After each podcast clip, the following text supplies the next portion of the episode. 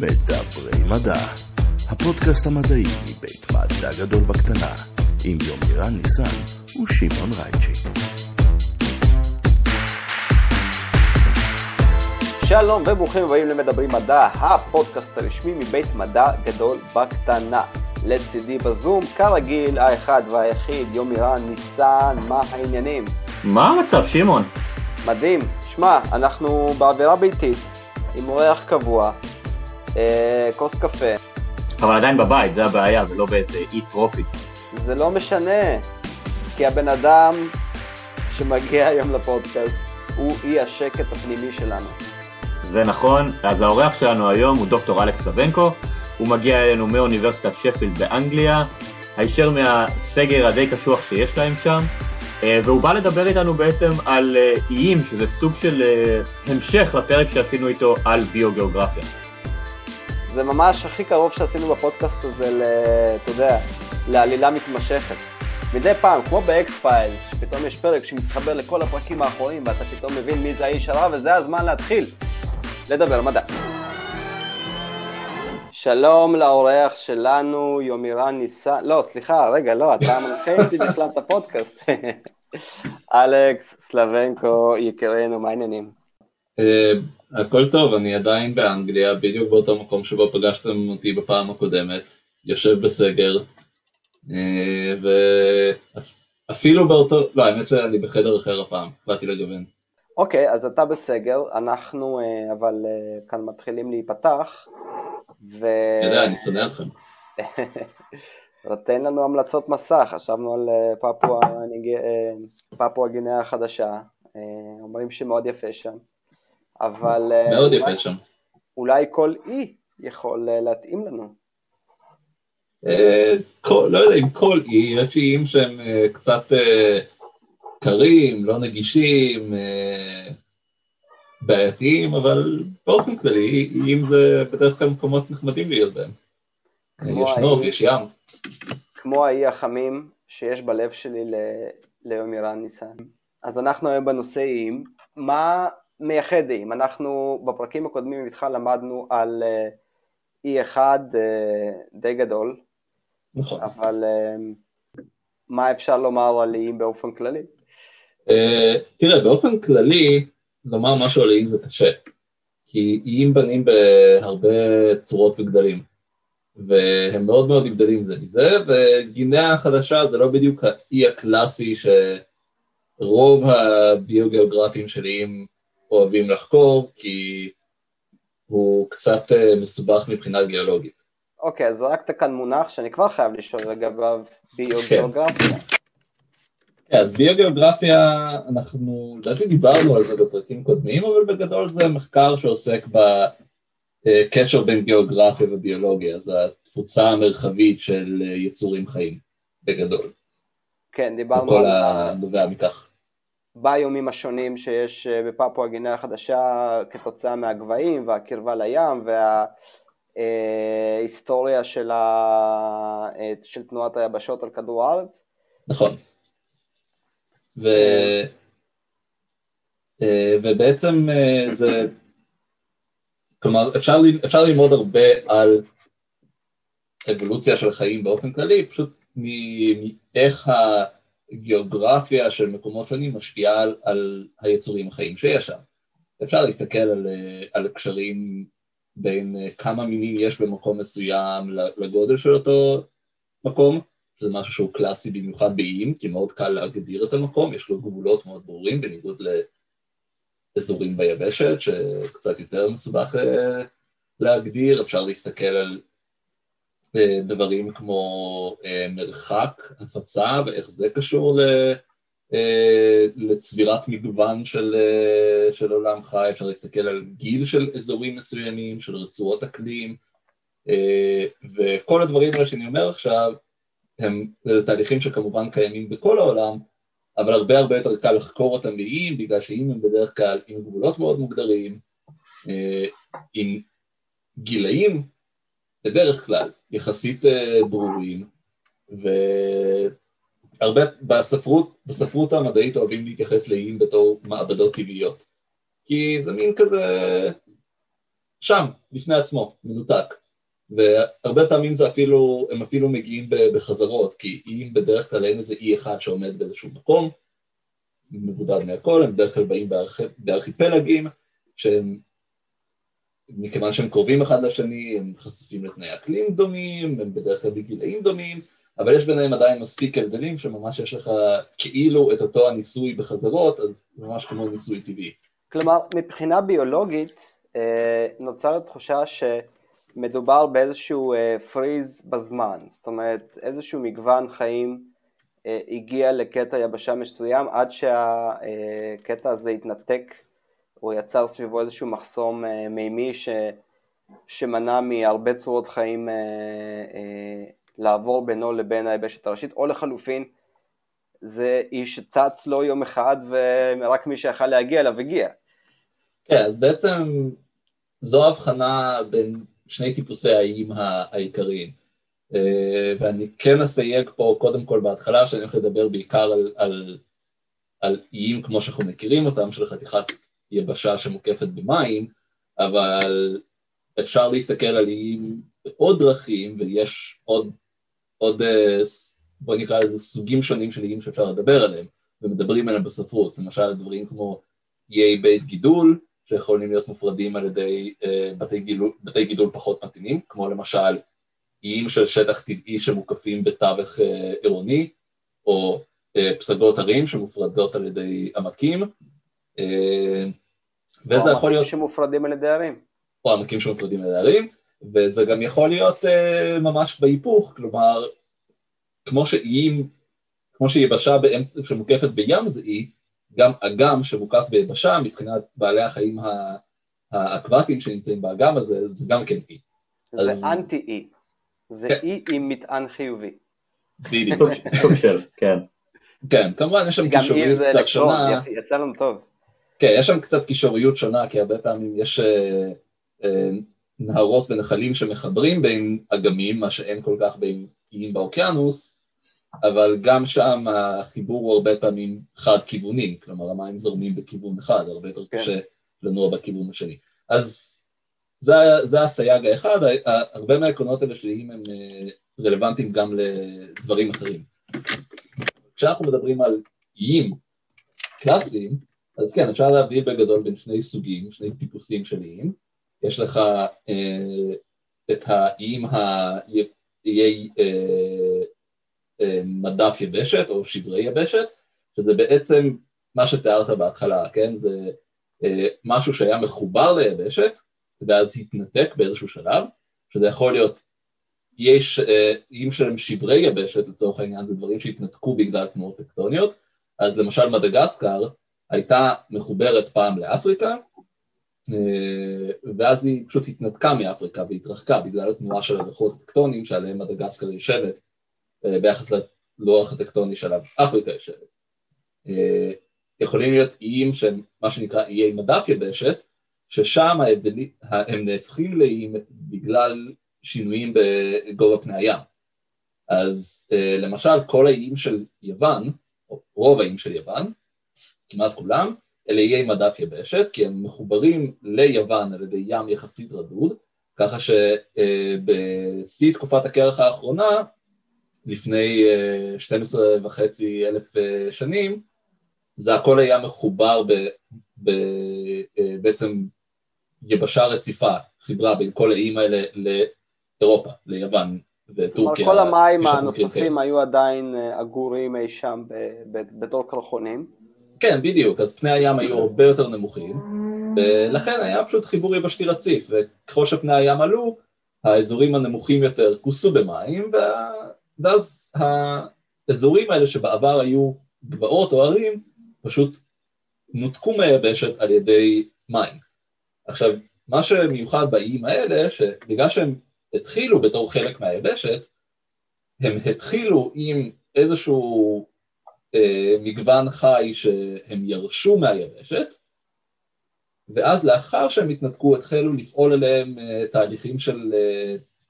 אה, בעצם הבידוד התחיל להשפיע את אותותיו, כן. ובדרך כלל זה מתרגם לירידה במגוון המינים עם הזמן עד שזה מגיע לאיזשהו מצב של אקוויליבריום, שאני בטוח שעוד נדבר עליו.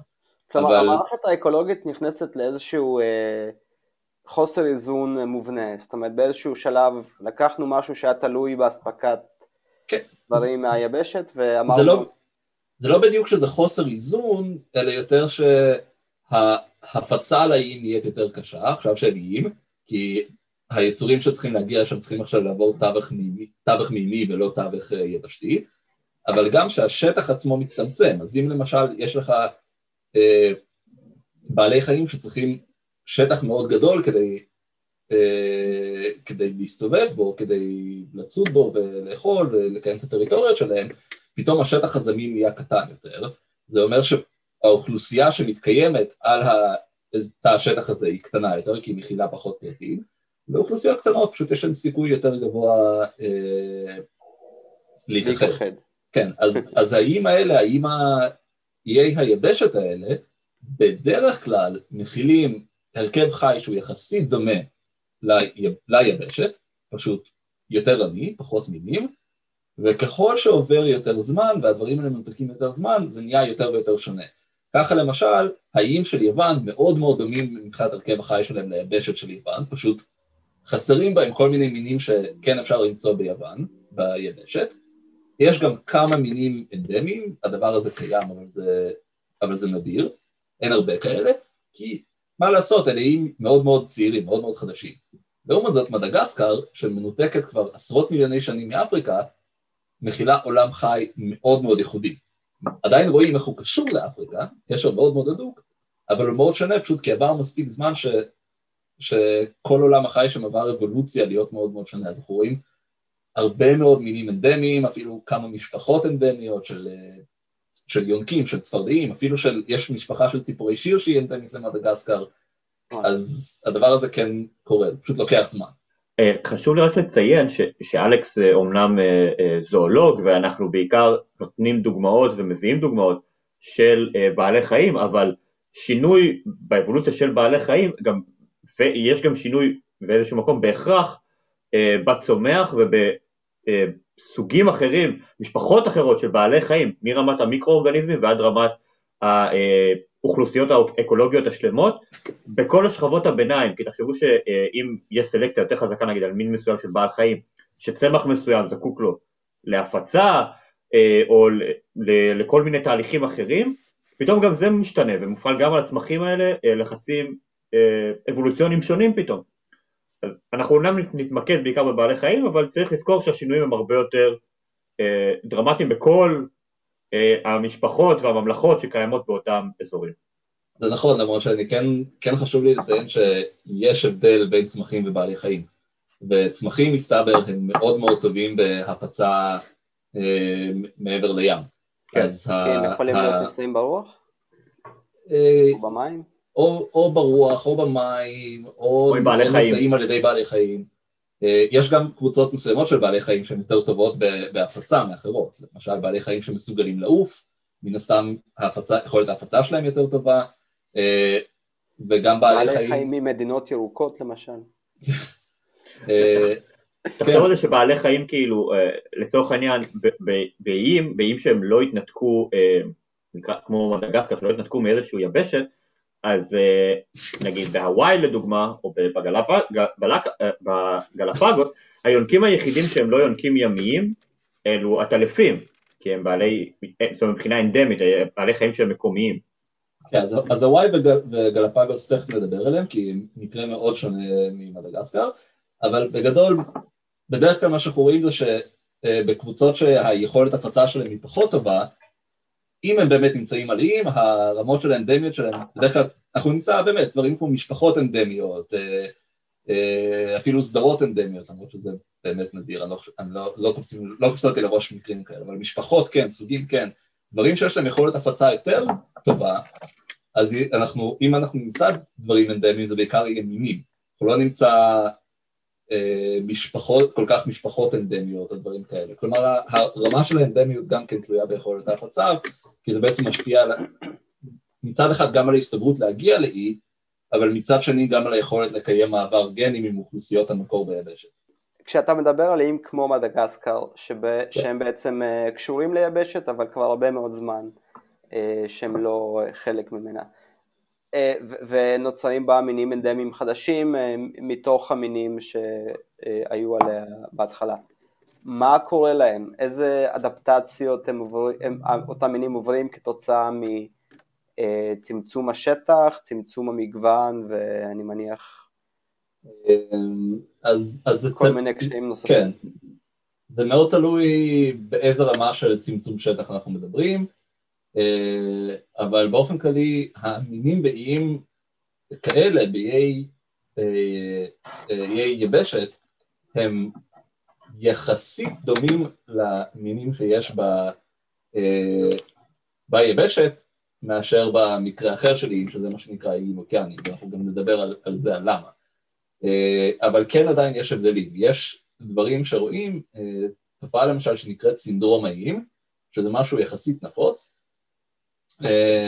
ולכן זה גם נקרא סינדרום, שזה בעצם איזשהו רץ, בעצם צירוף, קומבינציה של כמה תכונות שמאפיינות בעלי חיים עליים. יש גם סינדרום איים גם בצמחים, זה פשוט מדובר כאן על תכונות אחרות, אבל באופן כללי הנטייה באיים היא לשני כיוונים עיקריים, אחד זה אה, אה, תופעה שנקראת density compensation, או פיצוי על, אה, אה, פיצוי של אה, צפיפות, כשהפיצוי כאן במרכאות אה, זה בעצם שה...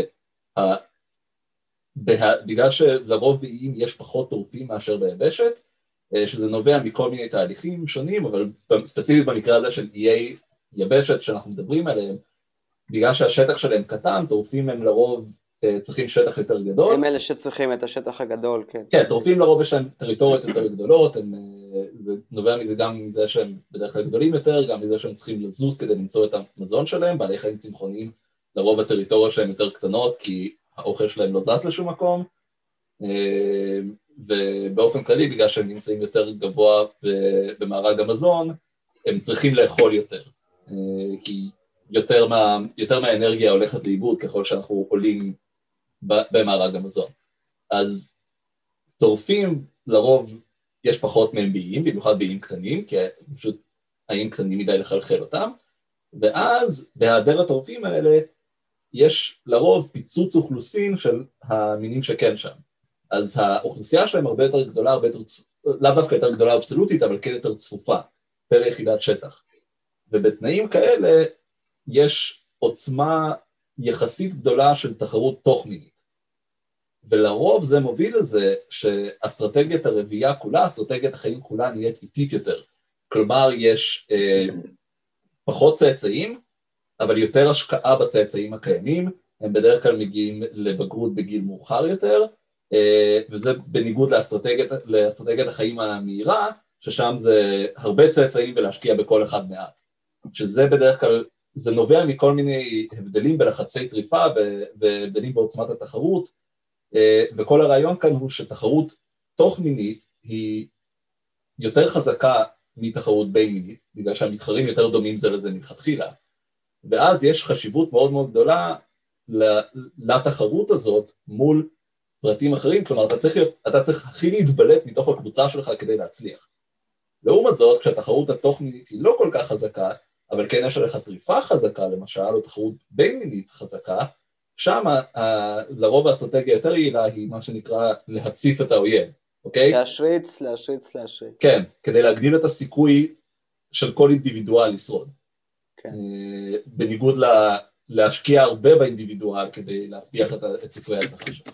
אז זה מעניין, כי דגים הרי משריצים המון המון אה, ביצים, והם בעצם חיים בסביבה שמה כן, שמכיר אבל... זה, זה, זה המרחבים שלה, הים הענק.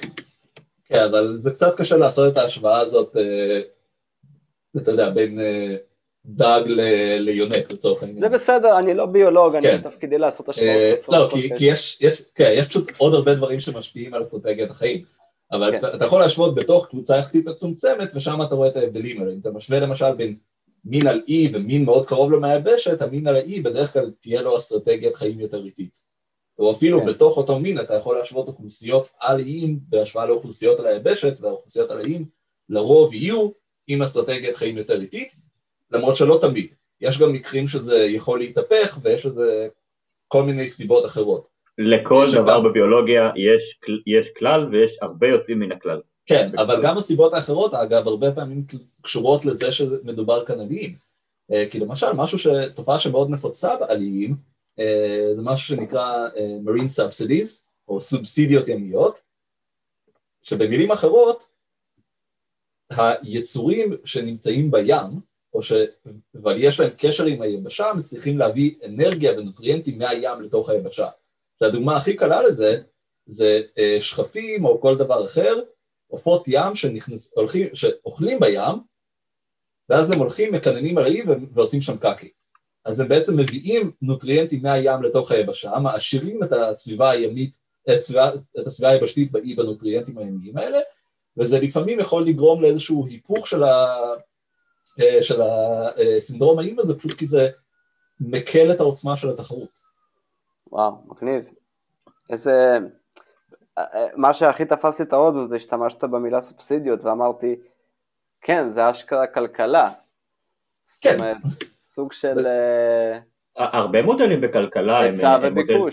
הם מודלים אבל אבולוציוניים, זאת אומרת מודלים של, של uh, תחרות ושל השקעה לטווח ארוך לעומת השקעה לטווח קצר ולפזר, נקרא לזה במקרים אחרים, אולי אפילו לפזר את הנכסים שלך על פני uh, הרבה מאוד uh, uh, פרטים כדי להקטין את הסיכוי שתיכחד או לצמצום, לחילופין להעלות את כן. ההשקעה פר אה, יחיד, אבל מתוך תקווה שהוא יהיה לו את הסיכוי הטוב ביותר להמשיך כן. הלאה.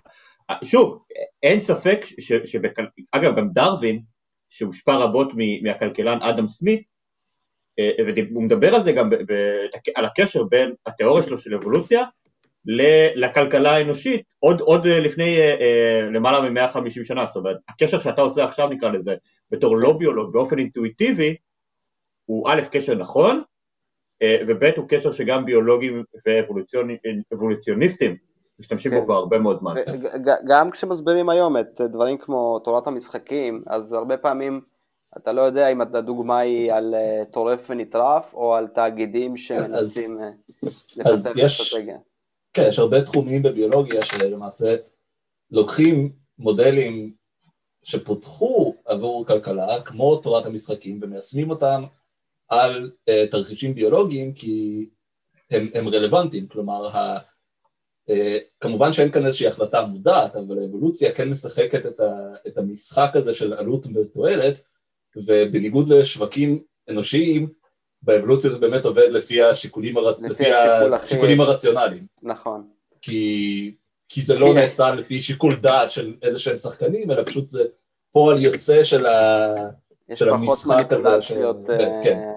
אבל אני לא אכנס כאן לכל הנטיות השמאלניות שלי, אז... אה, רגע, שנייה. אנחנו בחצי פרק ודיברנו רק על סוג אחד של איים.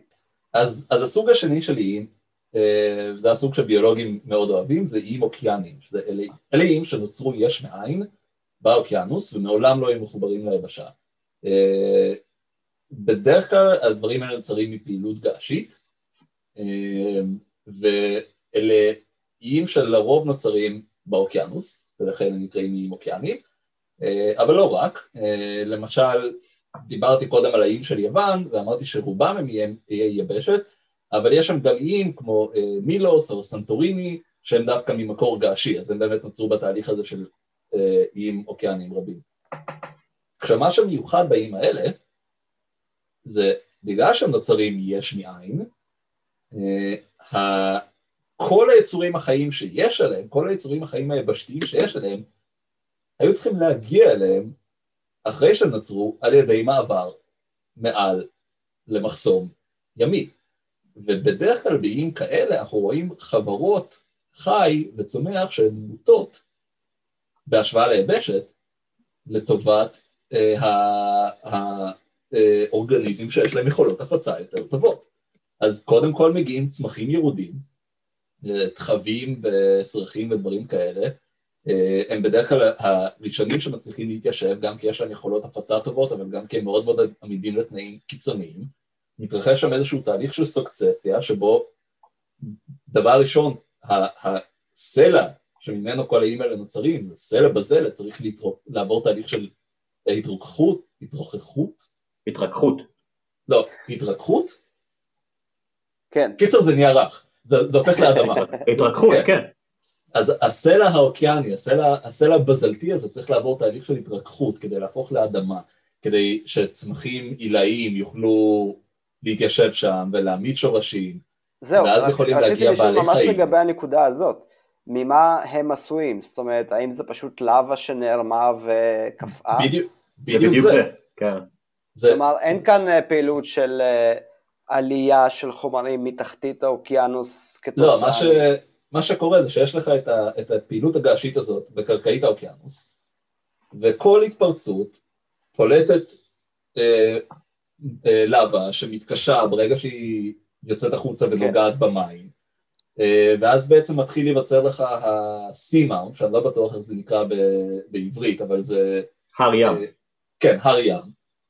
וככל שהוא הולך ונבנה, ונבנה עוד ועוד ועוד, אם הוא נבנה מספיק, לבסוף הוא פורץ מעל ל, אה, לפני הים, ואם זה במקומות המתאימים, אה, כמו בטרופים למשל, אז יש שם עוד תהליך של בנייה מעל זה, של סלע גיר על ידי אה, אלמוגים, שמתחילים להתיישב בעצם על הר הים הזה ברגע שהוא רדוד מספיק, אה, וכל תהליכי הבנייה האלה בעצם אה, נבנים אחד על השני, נוצר לך הר, עד שבשלב כלשהו הפעילות הגעשית מפסיקה, או שהתנועה של הלוח הטקטוני הזה בעצם מזיזה את האי הזה הרחק מה, מהמוקד של הפעילות הגעשית, ואז הרי געש נהיים רדומים, ואז מה שקורה זה מתחיל תהליך של בליה, אה, של אירוזיה, ושזה בעצם בליה על ידי הים, ואוליה לדעתי זה נקרא, שזה בליה על ידי האוויר,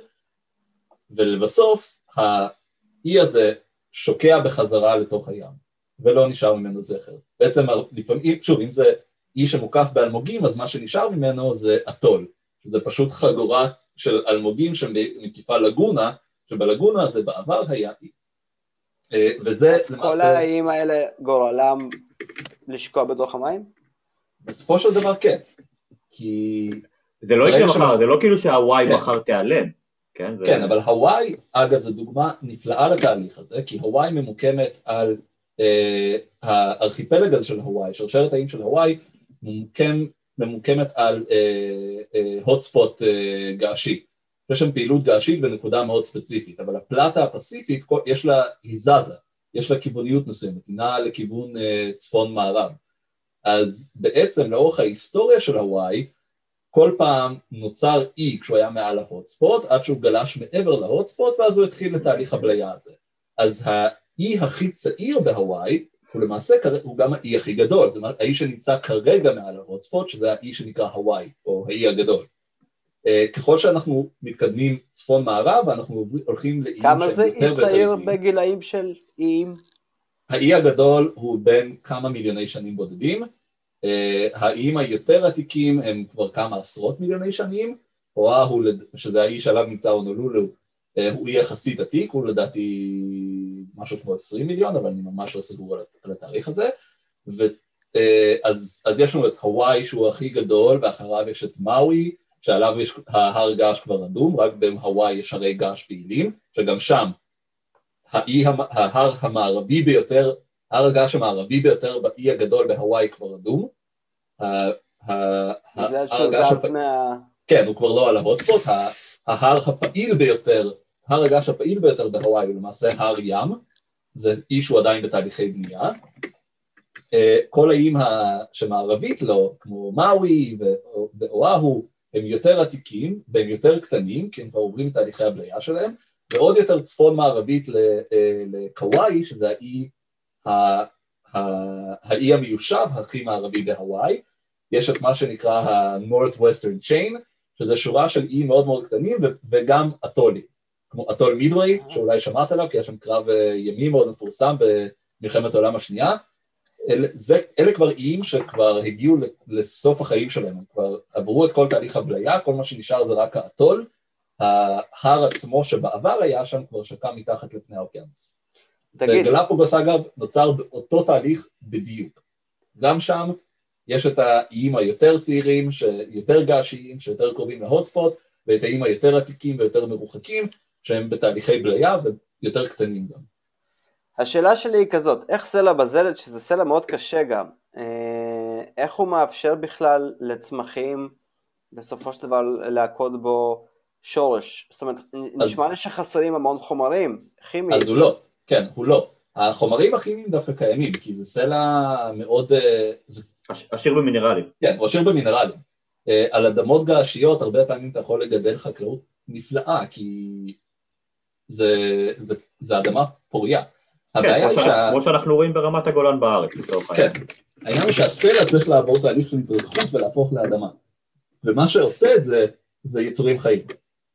אז המתיישבים הראשונים על איים אוקייניים זה דברים כמו, זה צמחים ירודים כמו תחבים או סרחים או חזזיות, אה, שזה לא צמחים אבל חזזיות גם כן, והם מסוגלים לה, להתמודד עם התנאים המאוד קיצוניים שיש על הסלע הזה כשהוא רק נחשף, אה, והפעילות הביולוגית הזאת למעשה גורמת להתרככות של הסלע עד שהוא הופך לאדמה, וככל שהוא נהיה, יש, נוצרת יותר ויותר אדמה, יכולים אה, להתיישב שם עוד ועוד צמחים, ששוב, בהתחלה יש לך רק עשבים, ואז שיחים, ואז עצים, וכל התהליך הזה תורם ל, ליצירה הזאת של, ה, של האדמה, אה, וכמובן אחרי שמגיעים לך צמחים, אז מגיעים לך גם בעלי חיים שיכולים, אה, אה, שצריכים את הצמחים האלה. למרות שיכולים להגיע לך גם בעלי חיים כמו עופות ים ויונקים ימיים, שלמעשה יכולים להסתדר שם יופי גם לפני שיש להם את הצמחייה. שמע, לא שקר, הלכתי לחפש חזזיות, כי לא היה לי מושג מה זה, אבל הן נראות לי די צמחים. לא ביולוג, לא ביולוג, נראות לי כמו צמחים. חזזיות זה יצור סימביונטי שמורכב מאצות ופטריות. וזה מגניב ממש. כן, הוא, הוא נראה צבעוני ומרשים. תלוי במין, אבל כן. כן, הצבעוניות מגיעה מהאצות בדרך כלל, אם אני לא טועה. אצות, לדעתי רובן פוטוסינתטיות. נכון, ימרן? כן, כי הרעיון זה שכאילו לסימביוזה ביניהם יש אה, את ההצעה שבעיקר עושה את הפוטוסינתזה כדי לייצר סוכרים אה, אה, והרבה מאוד מהתהליכים, נקרא לזה הוויאביליים נעשים, נעשים ומיוצרים על ידי הסוכרים שמייצר את ההצעה בידי הפטריה. יש הרבה מאוד מחקרים על הנושא, אולי יהיה לנו איזה פרק שלם על חזזיות בעתיד, נראה. רשמתי לעצמי, זה נשמע כמו... אה, כמו, אה, כן, אה, אחלה נושא לדבר עליו כן. שעה. אוקיי, הייתה לך שאלה, אימאן? לא, זה לא הייתה שאלה, זה הייתה יותר הערה. אחד הדברים החשובים שצמחים כשהם מגיעים לאי עושים, אז זה להכות שורשים, וההכאה הזאת של השורשים עושה כמה דברים. דבר ראשון, היא חוצבת בקרקע. היא חוצבת בקרקע והיא מערבלת את הקרקע, וזה בעצם עוזר מאוד לתהליך הריכוך חוץ מהמים. הדבר הנוסף... גם תחבים? גם... אה, אה, פחות, אבל... לא. פחות, אין כאילו, שורשים. כן. אין שורשים. כן, הם עדיין גורמים לריכוך, אבל כן. לא על ידי... חציבה. של שורשים. כן. כן. אה, והדבר הנוסף זה שהיצורים הראשונים שיגיעו, כמו שאלכס אמר, בין אם זה עופות מים או יונקים ימיים שעולים לחוף, כמו לדוגמה כלבי ים, זה שהיצורים האלה מביאים איתם הרבה מאוד נוטריאנטים אה, מהים, אבל גם הרבה מאוד הפסולת שהם מייצרים היא, פסולת אה, אה, חומצית, זאת אומרת שתן, צואה, דברים כאלה, וזה במיוחד של עופות, וזה עוד. נראה לי שהיא בסיסית דווקא, לא? לדעתי חומצית, אבל זה, זה איזשהו כן. תהליך כימי לא ניטרלי, סבבה? כן, כן. ש, שזה גם מאוד מאוד משפיע על השחיקה ועל התהליכים שהולכים על הקרקע, בין אם זה כי מעשיר את הצומח, או בין אם זה כי זה פועל על הסלעים ישירות, אה, ואז יש תהליכים גיאולוגיים מאוד משמעותיים שעוברים על האיים האלה, שמאפשרים את השלב הבא שאלק ידבר עליו עכשיו. כן. האמת שזה מאוד מגניב, כי אם הולכים לאי, לאי געשי אה, יחסית צעיר, אה, במקום הקודמות שיש בהם עדיין הרי געש פעילים, אפשר לראות את התהליך הזה של הסוקצסיה לא בדיוק in real time, כי זה לוקח הרבה זמן, אבל בעצם מה שקורה זה שאתה יכול להסתכל ולראות את המקומות שבהם הייתה זרימת לאווה, וככל שהזרימת לאווה הזאת יותר עתיקה, אתה רואה חברת צומח יותר מפותחת. זה ממש מגניב. וואלה. כן. כלומר, הלאווה הכי צעירה זה פשוט סלע חשוף, שאתה רואה עליו אולי איזה שיח שהצליח להשתחל פה ושם, או איזה סרח, או הוא היה הרבה תחת וחזזיות, דברים כאלה, וככל שהזרימות יותר עתיקות, יש לך כבר עשבים ואפילו שיחים, ובסופו של דבר גם עצים, זה מגניב בטירוף.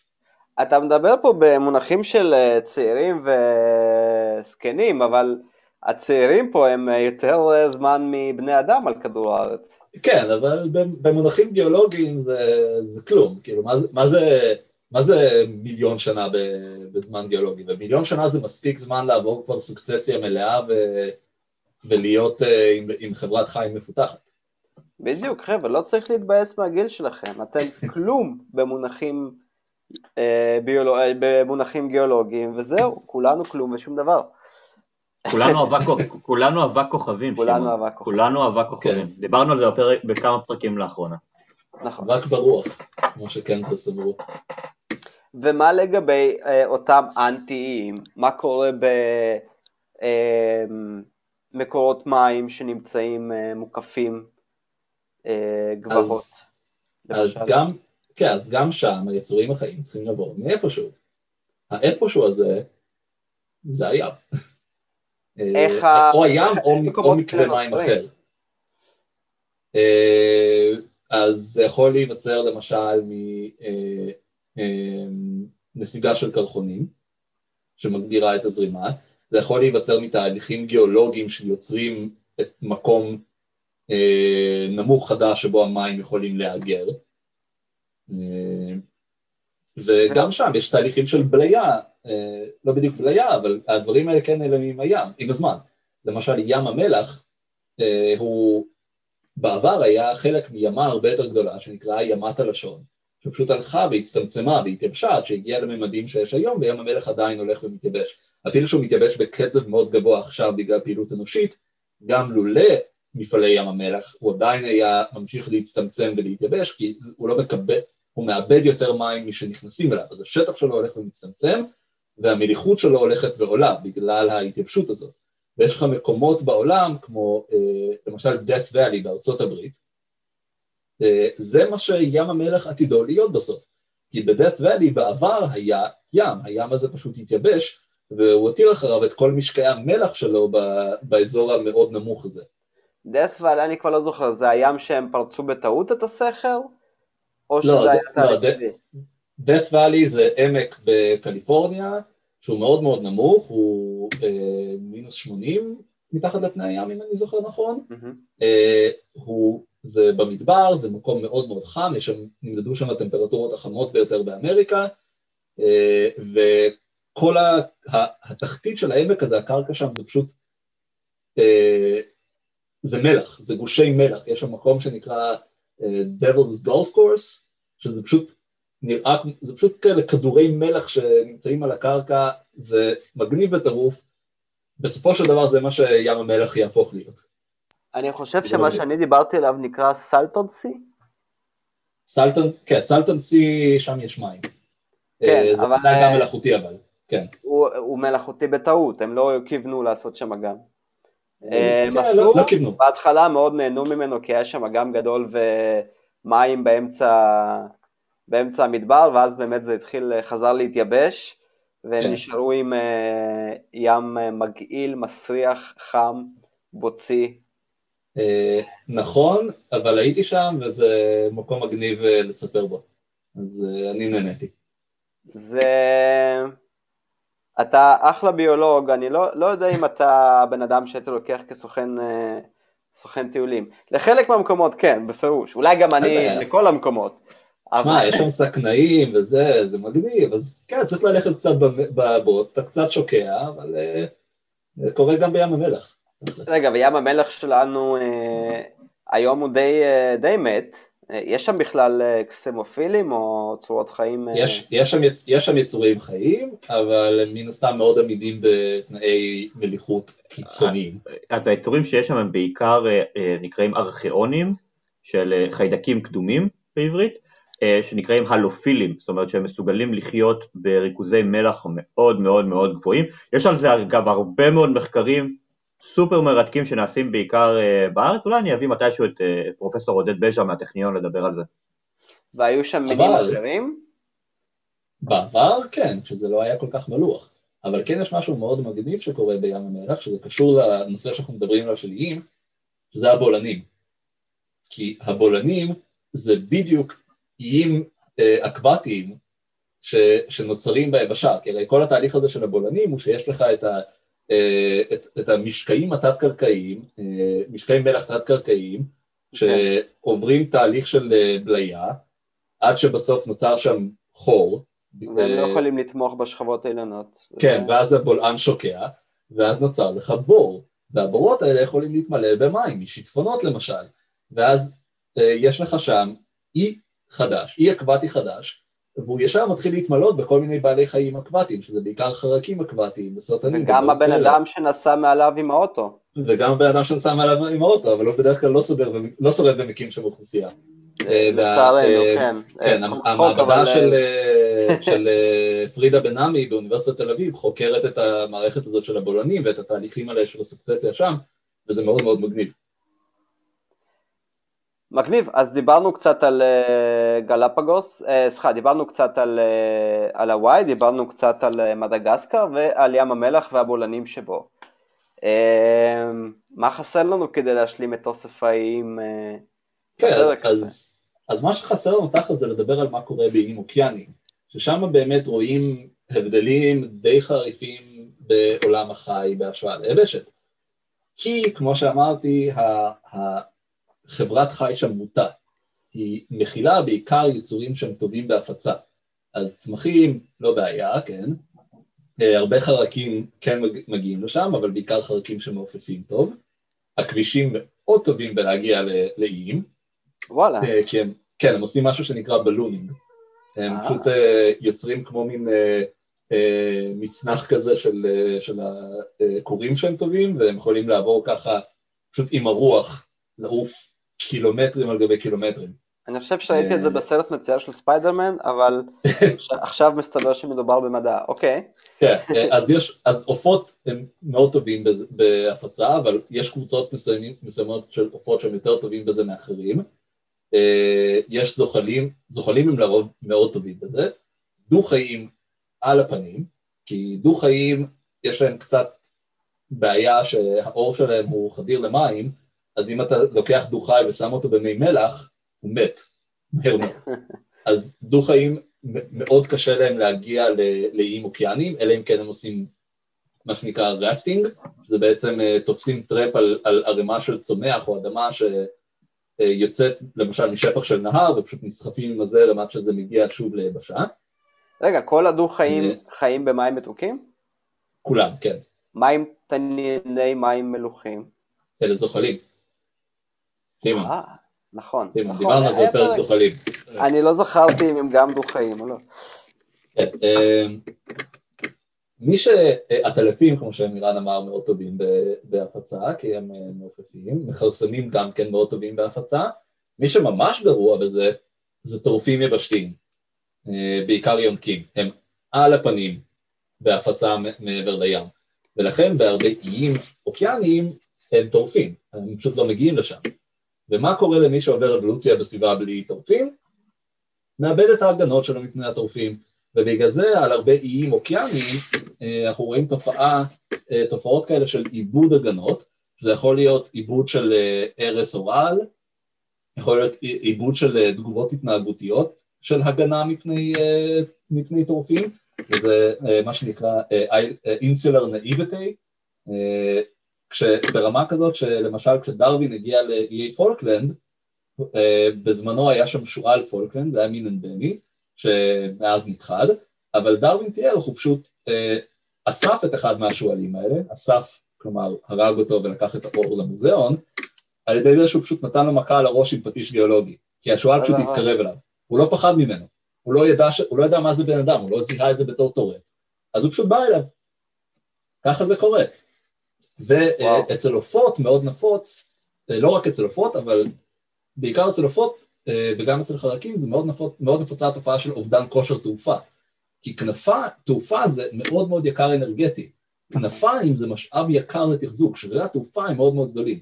ברגע שאין טורפים ואין צורך בתעופה, זה, הרבה, זה מהר מאוד נעלם.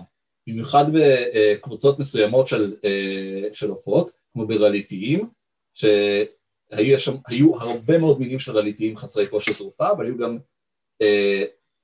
היה אפילו מין אחד של ינשוף חסר תעופה, היו, יש תוכי חסר תעופה בניו זילנד, וכמעט בכל הקבוצות של העופות, כל הקבוצות המודרניים של עופות היו מינים חסרי תעופה עליים. וכל זה עובד יופי עד שמגיע טורף לאי.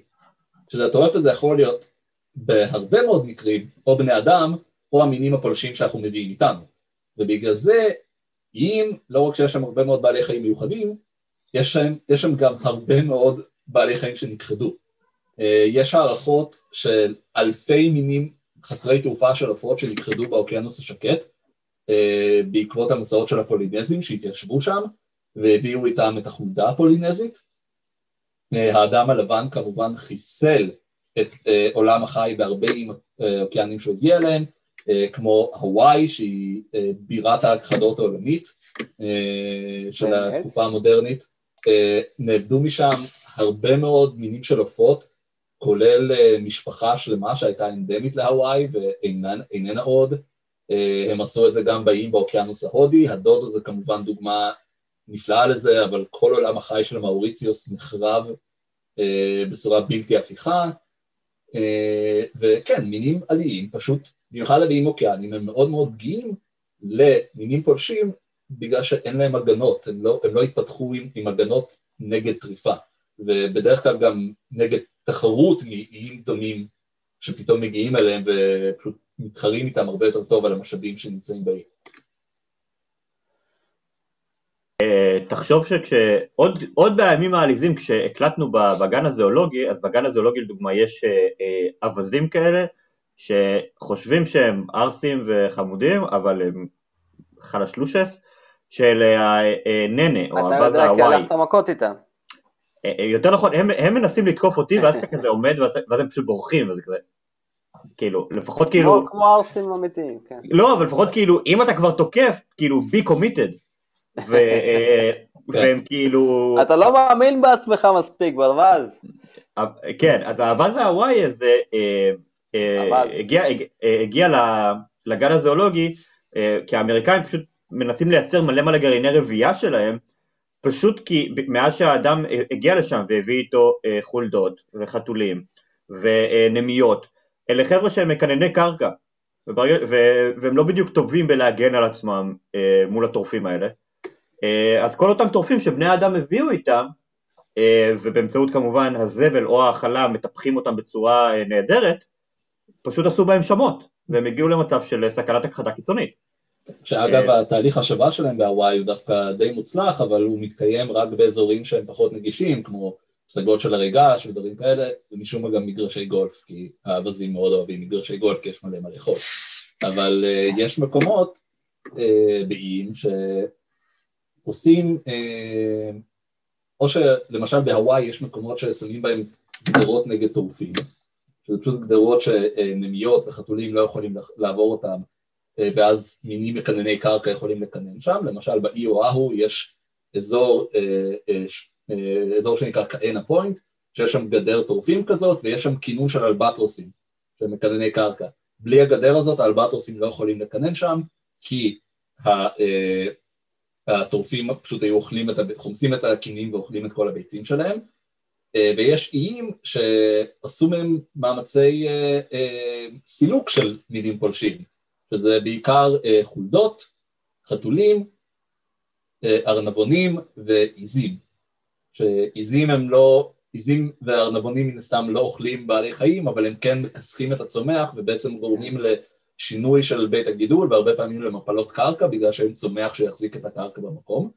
וברגע שנפטרים מהמינים הפולשים האלה עולם החי מצליח להתאושש שם בצורה נפלאה. כמובן לא מה שכבר נכחד אבל מה שעדיין שם יש כמה סיפורי הצלחה כאלה. הבעיה היא שיש מקומות שבהם יותר קשה להיפטר ממינים פולשים. להיפטר מחולדות זה עוד יחסית קל. איך אתה נפטר אה, למשל מנמלים אה, יש, ישנו אי באוקיינוס ההודי שנקרא Christmas uh, Island, uh, שהוא uh, שייך לאוסטרליה, יש שם פלישה של נמלה שהמקור שלה הוא, הוא מהודו, נקראת Yellow Crazy Ant. הנמלים האלה גורמות להרס מוחלט של אחד המינים המגניבים שיש שם, זה סרטן, סרטן אדום שלמעשה הם, הם נודדים לאי מהים והם הם מהנדסי בית גידול באי הזה, הם, בלעדיהם כל המערכת האקולוגית לא מתפקדת כי הם מאוד משפיעים על הרכב הצומח שם, הנמלים תוקפות את הסרטנים האלה, האוכלוסיות של הסרטנים בקריסה וכל בית הגידול משתנה שם וכמובן זה משפיע על, על הרבה מאוד יצורים אחרים באי. איך אתה נפטר מנמלים? זה הרבה יותר מורכב מלשים פיתיונות לחולדות וזהו. כן. טוב, שמע, דיברנו פה על הרבה דברים אה, שרובם היו איים, אבל לא רק. הגענו לנושאים שאנחנו מרבים להגיע אליהם בפודקאסט, אה, אה, שימור כדור הארץ ומינים פולשים, אה, נושא שזכה לפרק משלו גם. אה, ביאסת אותי קצת על הוואי, כל מה שמואנה הדליק אותי עליו. אבל כן. כל הכבוד להם שהם אה, מנסים לשמר, ו... תשמע, בואו נקווה ש... שלפחות אם לא נצליח אה, לשחזר את הנזקים שעשינו בעבר, לפחות אה, נהיה חכמים יותר לאבא. אה, נורא מעניין, נורא מעניין אה, לחשוב על העולם בצורה הזאת של אה, אה, בתי גידול כאלה שהתנתקו וקיבלו חיים משלהם, אה, וגם לנו בארץ יש. אה, לא, אף פעם לא חשבתי על אה, מקורות מים מנותקים כאיים, אבל זה אי לחלוטין. אה, אלכס, המון תודה שכרגיל חידשת ונתת לנו פשוט צלילה לתוך המוח שלך בכל הנוגע ל... תודה לכם, כרגיל, תמיד שמח להיות פה. זואולוגיה וביולוגיה. יומירן, איך אתה? תמיד כיף שמעון. אני תמיד נהנה לדבר עם אלכס. אתה אי השפיות הקטן שלי בעולם הזה. פעם בשבוע. אני לא רוצה להגיד מה זה אומר עליך. אני אה, לא רוצה שתגיד. המבט שלך עובר הכל. אנחנו היינו מדברים מדע עם האורח הקבוע שלנו, אלכס גרנקו. אה, הוא יחזור, לא בשבוע הבא, בשבוע הבא כבר יש לנו פרק אחר בשבילכם. ועד אז, תשמעו על עצמכם. מקווה ש... ממש בקרוב נחזור אה, להקליט בגן הזואולוגי ולא דרך הטכנולוגיה המרושעת הזאת של ביל גייטס ושוט. עד אז, יאללה, ביי.